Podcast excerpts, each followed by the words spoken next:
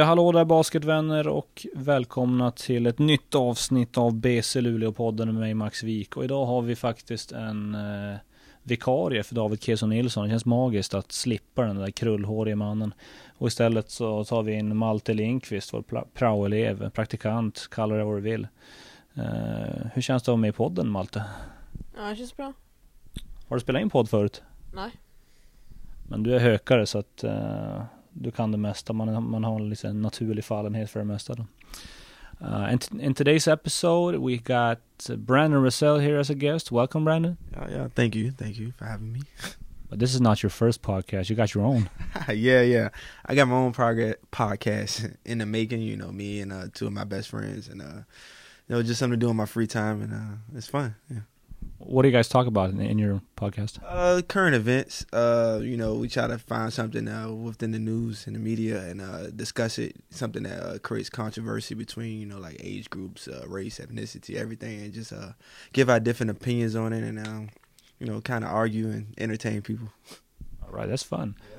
Uh, the friends that, that you recorded with are they also basketball players? Nah, nah, they they was back in uh, high school. We all played high school and middle school ball together, but they they're not they wasn't too good. but uh, you know, one's a teacher and the other one's working uh, marketing. So uh, you know, we all in different areas of uh, you know work and uh, just still keep in touch and stuff.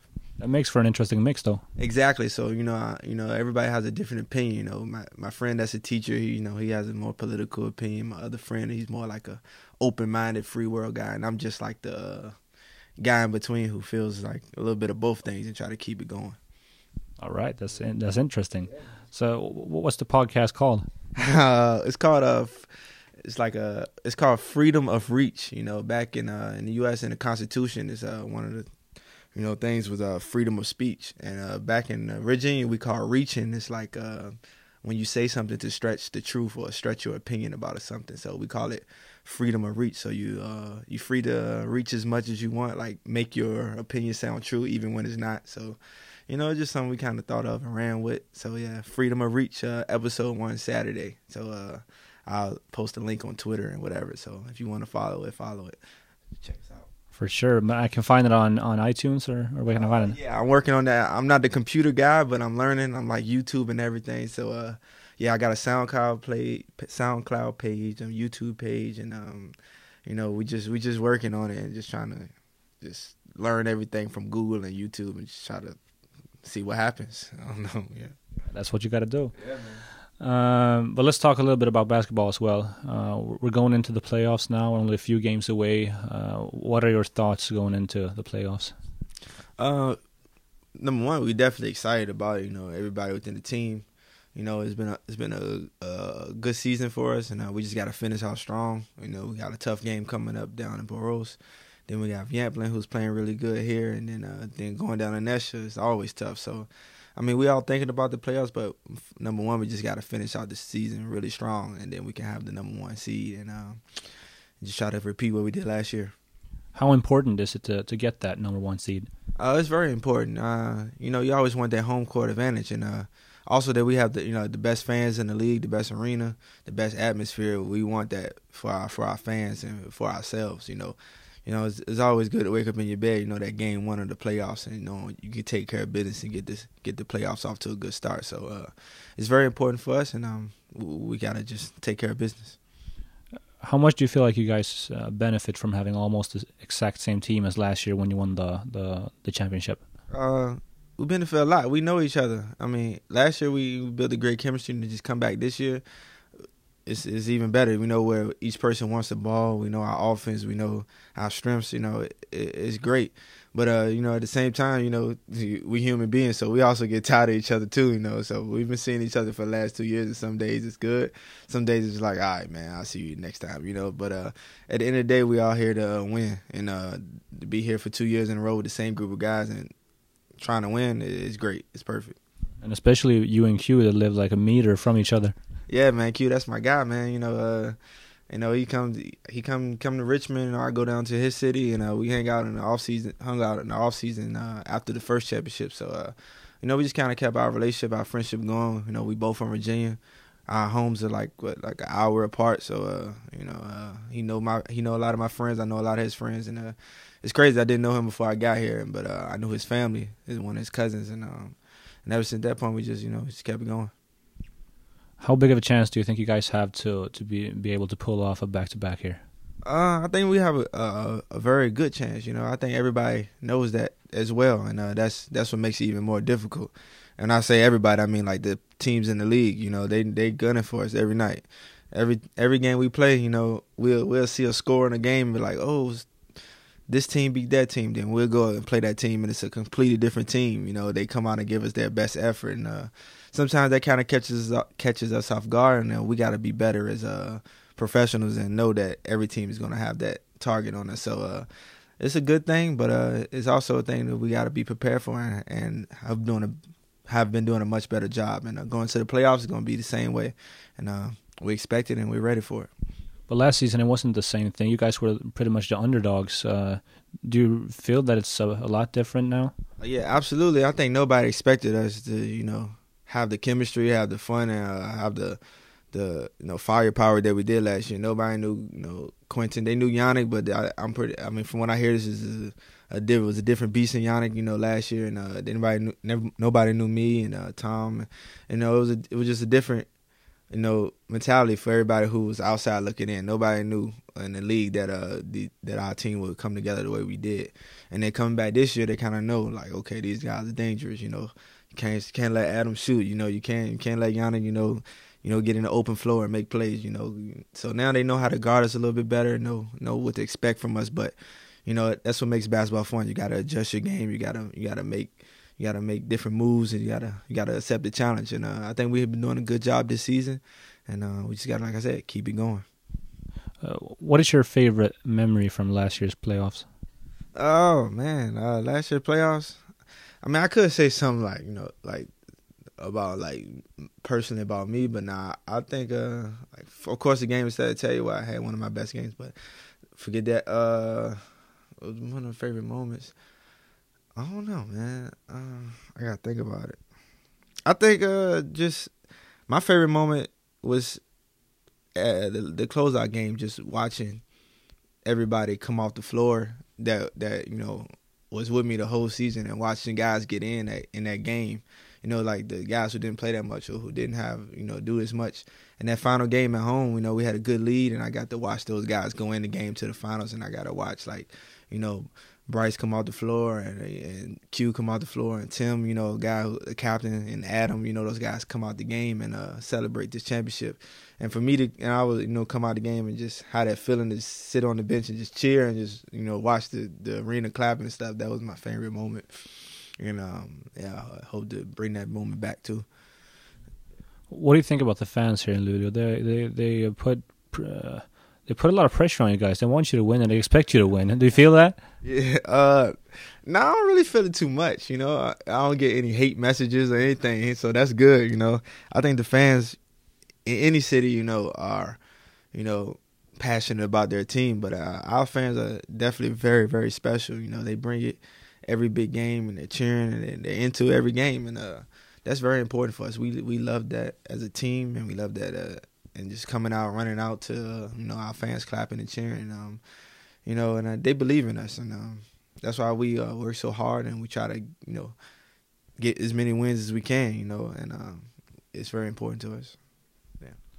And they seem to really like when you do the the dancing things and the in the presentations and uh, from what I heard, you planned you planned the last one. When was that? Maybe against Jämtland? Yeah, yeah, yeah. Yeah, I planned it out, and uh, I don't know. I was just joke. We were just joking around the locker room, you know, dancing, you know, doing our team stuff, and I was like, hey, man, let's just come out like this one game, and um, you know, we just put it together. And I also wanted to embarrass a couple guys on the team who can't really dance, and you know, like Adam. You know, people don't ever see Adam show like emotion or have fun. He's always pretty serious, and you know well, I don't, and uh, just to see him, you know, act a fool and cut up, and Kobalak, he's a quiet guy as well, and uh, I just wanted to see that side of guys, and uh, it was fun, and um, I think everybody got a good laugh out of it. But on the other end, you know, Jämtland wasn't too happy about it, so we had to go down there and uh, face a team who remembered that, and uh, you know, we had a good win that game when we danced, and then we had to go down there, and uh, they remembered that, and they coming back here again, so it, you got to take the good with the bad when you do stuff like that. And so far, it's working out good.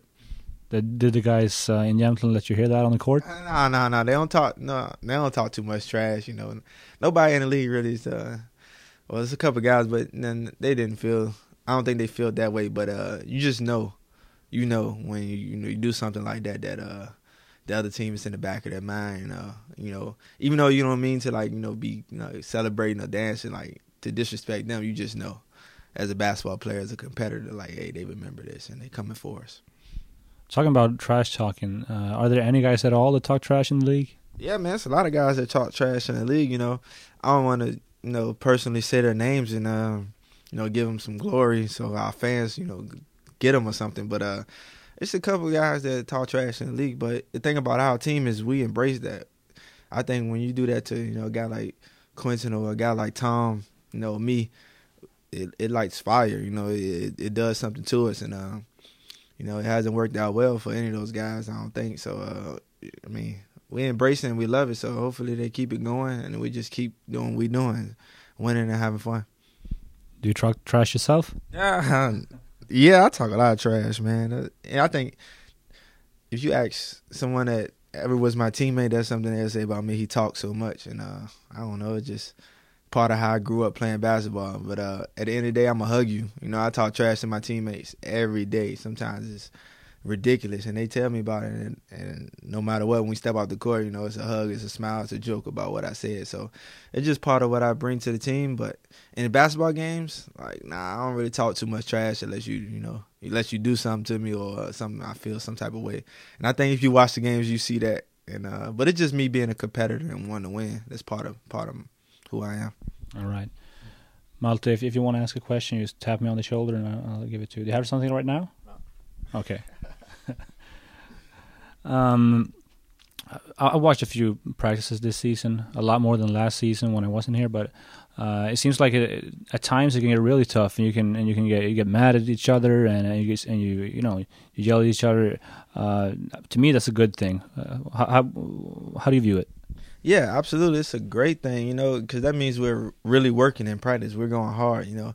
It's hard to bring that kind of energy every day, but that day, that one time a week or that two two times a month when it does happen, it's good for our team. That's that's one of the moments why like I'm talking a lot of trash, Q talking a lot of trash, and guys getting physical. We get into it.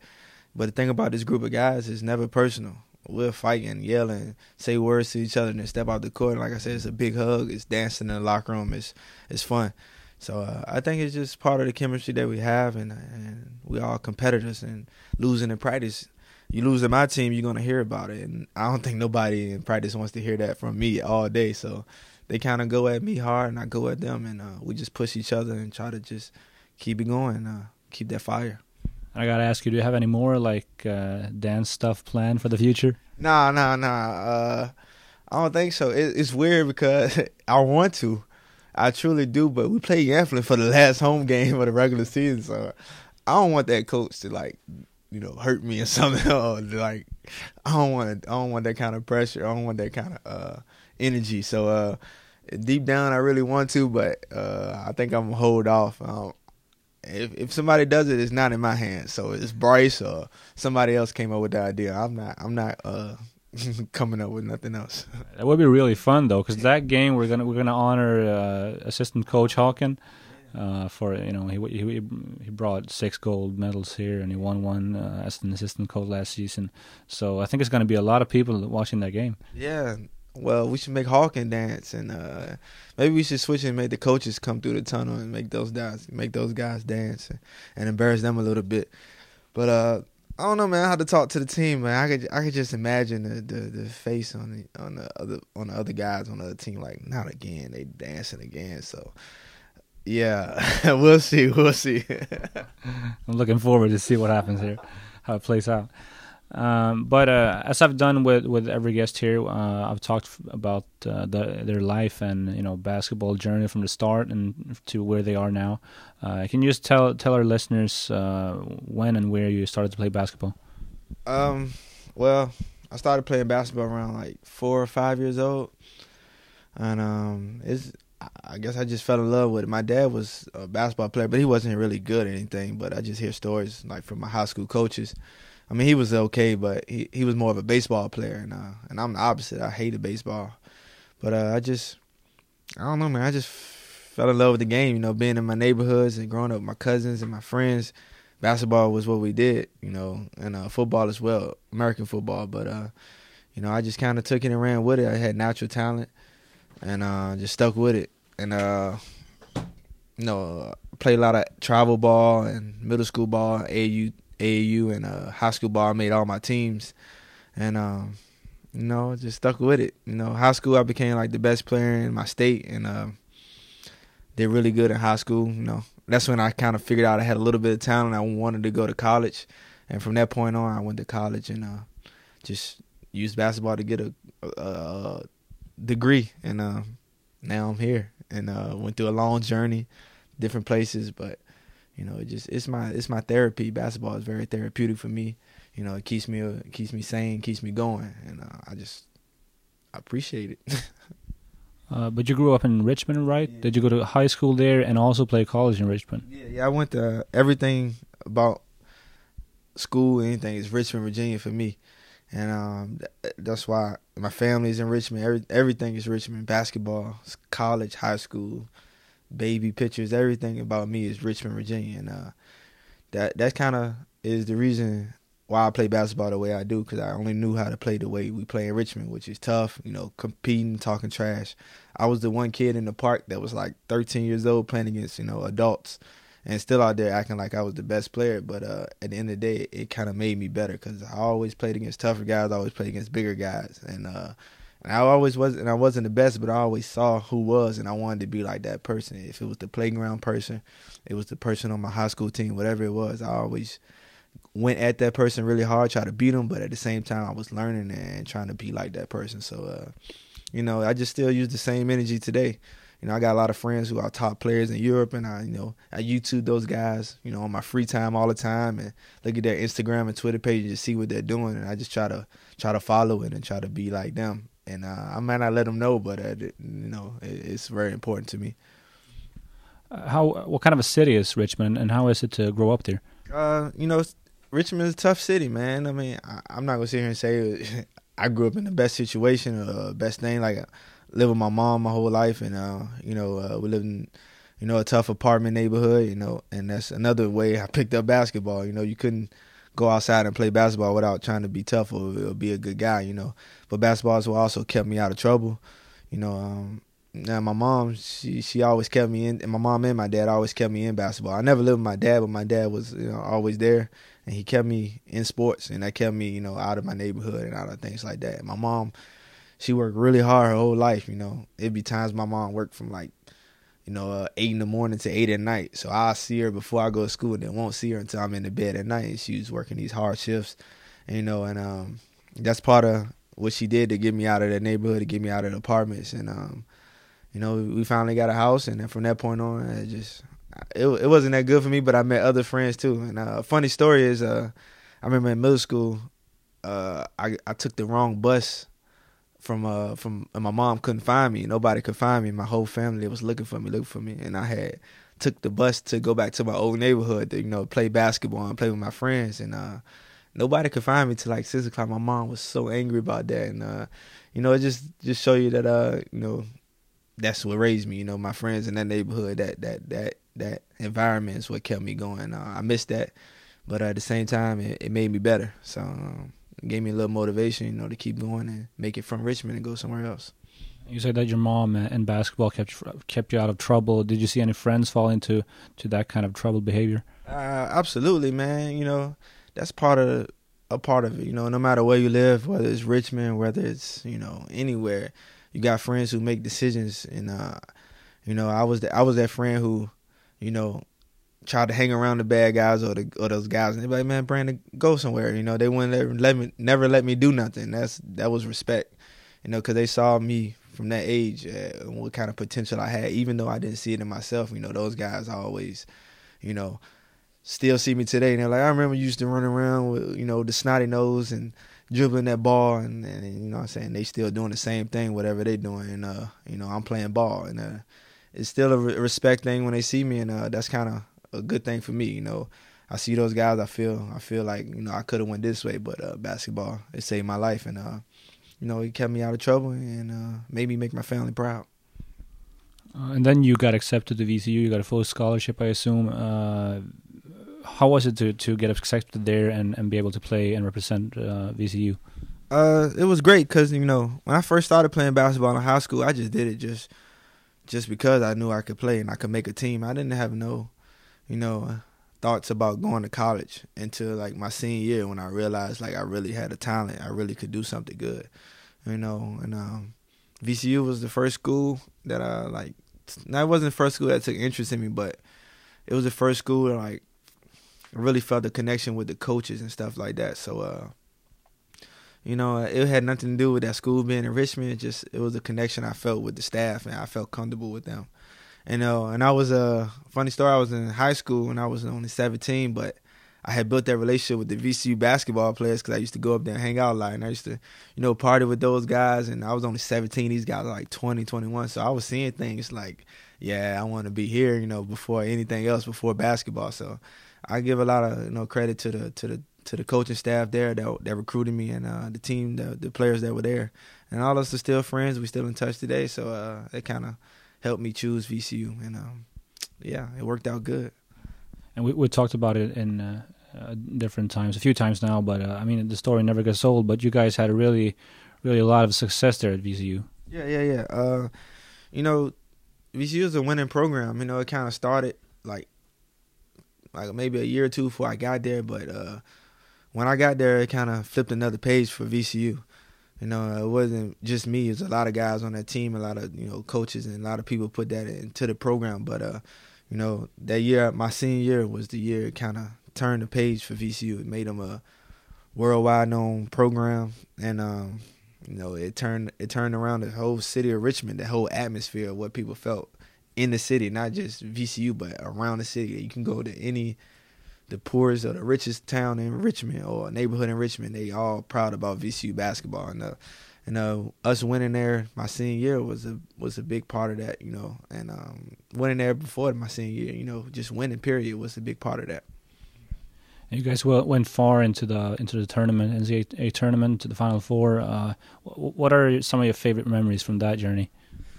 Whew, so many memories from that journey. Uh, you know, as a college team, your goal is to make it to the Final Four. Like that's your goal you set. Every team across the country pretty much sets that goal. And uh, some all set the goal to go to the tournament. And uh, for VCU that year, we wasn't even supposed to be in the tournament, and um, we had got picked to play in it, and it was a game that we had to win just to be in the tournament. So we really, you know, we are the only team to go from the first four to the final four, and um, man, it's it's a, it was an incredible feeling. My my favorite memory probably was uh, you know, I don't know, man. A big, I'm a big family guy, man. I just I like my I love my city in Richmond. I love uh my family. So my favorite memory is just seeing how proud everybody was. You know, like like Twitter was big then, so I used to get on Twitter and like have like 800 mentions or 800 messages from people just tweeting shirts and tweeting like running through the streets and just so proud of just being from Richmond and in Richmond at the time. So my favorite memory is probably yeah, just seeing what it did for the city of Richmond. And, you know, of course, winning the games and all that was fun too. But just seeing how it uplifted my city was was a, was a great thing. Yeah, and, and as you mentioned, it seems like uh, the school and and the basketball program there has a really big and loyal fan base. Uh, yeah, yeah, you see it, you see it, man. Like you'll you'll tweet something or show something, and uh, if you put anything on on there about Ram Nation, VCU, they're gonna write you back, man. They're very loyal and they they ride, they really go hard for us, man. And uh, that's a great thing about those guys, man. And uh, to this day, I can just you know talk, have a conversation, go have lunch to a, with a fan or one of those guys, and uh, it's a blessing. And, um, that's the thing about VCU, man. It's a family. You know, so we don't have a football team. We don't have many other big sports. We just basketball is everything. So once you play for that program, you build a family, and um, that's very important. It extends even when you, like me, 28 years old, and you've been a pro for five, six years. They still following you. They still asking for, you know, pictures and jerseys and whatever they can get. You know, just to to show you that they still follow and still care for you. Uh, what did you get your degree in? Uh, psychology. Yeah, psychology. I tried to be a social work major but uh, I didn't have enough time to do like internships and uh, you know things because I was playing basketball. So I switched over to psychology my junior year, my third year of college, and uh, stuck with that. All right. Uh, and, and what happened? What happened after college? Uh, after college, you know, um, uh, I, I kept playing. You know, I kept trying to follow my dream. Um, I was drafted to the D League uh, fresh out of college, and I went to the LA D-Fender, Los Angeles D League team, Laker D League team, and uh, I was cut from there. And then from there, I went and played in Holland, and um, and then Netherlands, and uh, that was a good rookie year for me. You know, it was tough. I was only what 20, 21, 22 years old. I had just had a kid, so it was tough being away. And um, but I had a pretty good season. I just tried to use basketball as my therapy, like I always say, and uh, it helped me get through those days. And um, and from that point, I just been playing pro. Actually, I took a year off after that year. After that Netherlands season, I took a year off, spent some time home with my family, and uh, I was working. I, um, I love working with kids, so uh, my major was psychology. So I worked with troubled youth, you know, kids who come from you know abuse, drug abuse homes, or kids who uh, have one parent or don't have any parents. And I was working with those kids heavy. Like I loved it, and I did that for almost two years, and then I started playing again. I went down to Costa Rica and played just to play, and I didn't know it would lead to me going back to you coming back to Europe and playing in Denmark. And then when I went and played in Denmark after two years, two seasons in Costa Rica, I kind of, you know, put myself back on the map. And um, you know, Scandinavian countries have been good to me, so uh, I'm appreciative of that. Yeah, that, that's true. Um, and uh, when you took the those that year off or those those year offs uh, off, uh, was your plan to get back to basketball, or, or were you thinking about you know not playing anymore? Uh, uh yeah. The the the crazy part is, uh, I went to work at uh, BMW, uh, which was like a internship program through VCU. So I went and sold cars. Was a car salesman, and that was one of the worst jobs I ever had. So don't ever sell cars, man. Uh, and I remember just sitting in my office one day and I was just thinking, like, man, I don't want to sell cars no more, man. I don't even want to do this. So I ended up just calling my agent and uh, just like, yo, I need something. I don't care what it is. And uh, the Costa Rica came about, and uh, I was like, yeah, I'm going. I don't care. I don't care about the money. I don't care about nothing. I just want to go. And at the time, it was a big sacrifice on me. Like I said, I was leaving my son, leaving my family again, and going to play for no, pretty much nothing. And uh, but I enjoyed every minute of it because I was playing basketball again. Uh, I was competing. I was having great fans support me and things like that. So uh, it kept me going and just gave me some more fuel to, to work hard again and you know start and try to make this a living. And um, you know every situation just turned turned out to work good. You know, like I said, ever since that that that season. But how is it to play basketball in Costa Rica? Is it high level or low level, or how is it? It's pretty low. It's pretty low level, man. But one thing I can say, it's tough. You know, when I people when they think about low level basketball, they just think you go out there and score 40, 50 points, and you know it's easy. You're just doing a whole bunch of layups and stuff. But it, every game was a fight, pretty much, man. You know, the referees think about that. The referees don't really know the game that much. They know it, but not too much. So you might be getting fouled all game. You know, for me, I was in, I was one of the best. I was the best player, you know, and so I was facing two or three guys, you know, playing defense on me, you know, every possession, and uh, and that's when I that's what really I really think helped me when I went to Denmark, you know, and I was able to produce so well. I was so used to seeing so many people guard me, and you know, facing so many different types of defenses and getting fouled so much that it didn't really phase me when I came back to Europe, you know. And in Costa Rica, man, it's hot in the gym you know, fans are intense. You know, you're hearing things, they throwing things at you. You, got to win. It's a small town you're playing for, so all the fans, you know, it's completely different. You know, you here the fans are really really nice. In Costa Rica, it's a small town. They see you on the street, they're not gonna tell you good game, even though you had one point. You know, if I had that game that I had, instead of tell you here, well, I scored one point in Costa Rica, I don't know if I would have made it out. You know, that I might have been chopped up in different pieces. nah, I'm just playing. I'm just playing. But uh, nah, it, it, was it was fun, man. Like I said, it was tough, and it made me a, a, much better player. How was life outside of basketball in Costa Rica? It was amazing. Is that everything you you're thinking about when you hear Costa Rica and you think about free time? It's everything you can imagine. You know, long walks. You know, going to the beaches. going to resorts, you know, just trying to save every penny from your salary and just trying to experience something different, you know, like going surfing, you know, riding through the rainforest, going to jungles and stuff, man. So, you know, that was a big part of why I went to. I got to see a part of the world that I never thought I rich, never thought I'd see coming from Richmond. So yeah. Sounds a lot like rolling around in the snow in, in you know, just ice skating and. I go. I went from the beaches to to. I went from you know the beach to the Arctic tundra desert with like just snow and ice. Yeah, man. I did everything, man. Basketball took me everywhere. It's crazy. Why did you make such a decision? You shouldn't do that. I know, right? I don't know what I was thinking, man. I don't know. It was ah, that's cool. It's cool. yeah. Okay. Uh, but but how was how was Denmark then? Is that a better league than the Costa Rican? Uh, yeah, yeah. It was a, it was a step up. You know, of course, you know it's more professional. For number one, you know, down in Costa Rica, it wasn't as professional, and the soccer is, is everything revolves around soccer there. But I came here, went to Denmark. It still was, you know, a little different. You know, handball is pretty serious there. But uh, it was it was a step up, you know, as far as prefer. I actually didn't want to go. I remember my agent calling me like, "Yeah, you should take this. You know, it can help open up doors." And I'm like, "Yeah, whatever. I'm done playing basketball at the Costa Rica. You know, I'm tired of, you know, just going to play places just to do it. You know." So I I actually signed that contract the last minute. Then when I went there, and uh, it turned out great. Had a great coaching staff, a great club. You know, you know another another good loyal fan base who uh, supported me and um, showed me a lot of love. And um, Denmark was good. Yeah, it helped me. It helped me, you know, come here. So I'm thankful for it. And you met uh, your teammate now, Brice Massamba, there, didn't you? Ah, funny story. I, I met Brice Massamba in 2012. Most people don't know that.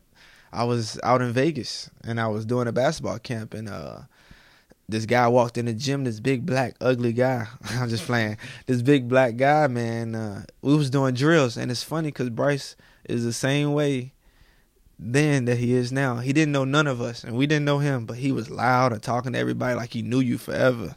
And I'm like, man, who is this guy? And that's how I remembered Brice Massamba. Like, man, that guy Brice Massamba, man, he's talking like I don't even know him, you know. And uh, we was on the same team at a camp, and uh, he came the first day, and he, he didn't show up the rest of the days. and uh, you know, he had a big name coming out of college, so everybody was talking about him and stuff. So I kind of remembered his name. And then uh, it's funny he he came to Denmark and uh, he was he looked different too when he came to Denmark too. You know, he was this cut up guy in college and he came to Denmark. You know, after the injuries and stuff. And I was like, man, what happened to you? Eating and chilling, man. But uh, he's a great teammate, man. Uh, I was happy to have him on my team. You know, he he he's Brice, man. You know, he brings the energy, he brings laughter. He's crazy, and he's fun to have out there on the court. Uh what are some of the goals that you have left as a basketball player? What do you want? What do you want to do uh, for the rest of your career? I have no idea, man. I just want to have. I just want to have fun with it. You know, sometimes you talk to people and you just hear that you know they just playing just to play, and I don't ever want basketball to be like that for me. I just want to you know make sure it's it's keeping me happy, and I'm just, I'm not really, you know, upset that I'm here playing or I'm not at home. You know, because I could be home and things could be different, but as far as go, I just want to play and just make sure I'm having fun with it and have a great group of guys and uh, and I want to win. You know, I don't really have no personal goals like to reach, you know, like a Euro League or anything like that because I don't know. I just I just love the game, and if I'm in a good situation, a good family, I mean a, a good family, I mean like team atmosphere, club, then I'll be fine. So uh, whatever whatever that wherever it takes me is where I'm willing to go.